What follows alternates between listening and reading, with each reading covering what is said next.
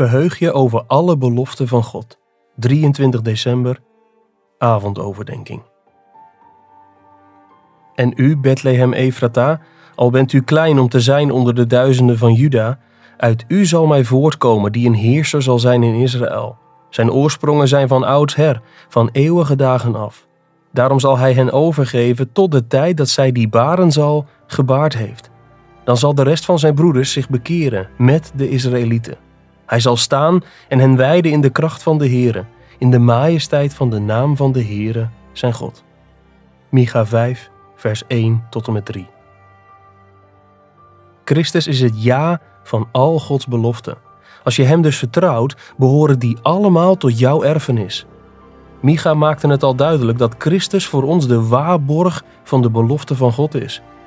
Hoe liet Micha ons dat zien?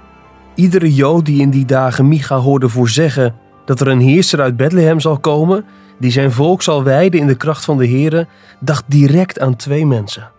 David, de koning, en de komende zoon van David, de Messias. De tekst legt tenminste drie verbanden met David. Allereerst, David kwam uit Bethlehem en daarom wordt het de stad van David genoemd. Ten tweede, David was een heerser in Israël. Hij was de grootste heerser, een man naar Gods hart. En ten derde, David was in zijn jeugd een herder en werd later de herder van Israël genoemd. Psalm 78, vers 71. Bij deze drie verbanden met David gaat het hierom. Micha bevestigt opnieuw de zekerheid van Gods belofte aan David. Denk maar aan 2 Samuel 7, vers 12 tot en met 16, waar God tegen David had gezegd: Wanneer uw dagen voorbij zijn, zal ik uw nakomeling na u, die uit uw lichaam voortkomt, doen opstaan en ik zal zijn koningschap bevestigen. Die zal voor mijn naam een huis bouwen en ik zal de troon van zijn koningschap voor eeuwig bevestigen. Uw huis en uw koningschap zullen voor uw ogen voor eeuwig bestaan. Uw troon zal voor eeuwig zeker zijn. Het verbazingwekkende aan Micha is dat hij de zekerheid van deze belofte niet bevestigt in een tijd waarin Israëls macht toeneemt, maar in een tijd waarin Israël steeds minder voorstelt. Het noordelijke koninkrijk is vernietigd en het zuidelijke koninkrijk zal door het oordeel van God worden getroffen. De vervulling van Gods belofte leek onmogelijk.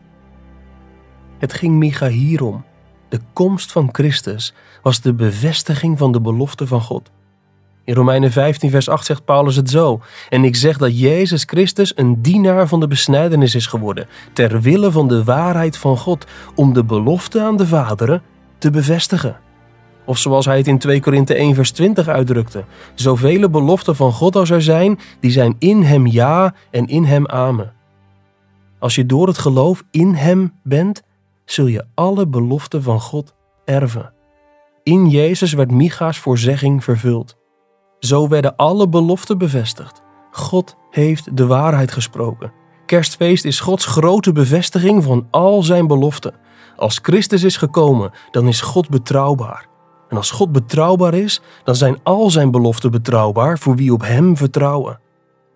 Ontvang dit onuitsprekelijke geschenk.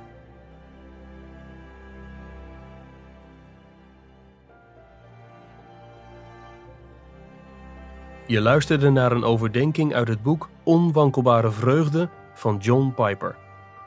Het boek bevat 50 ochtend- en avondoverdenkingen voor Advent om je te helpen Christus centraal te stellen.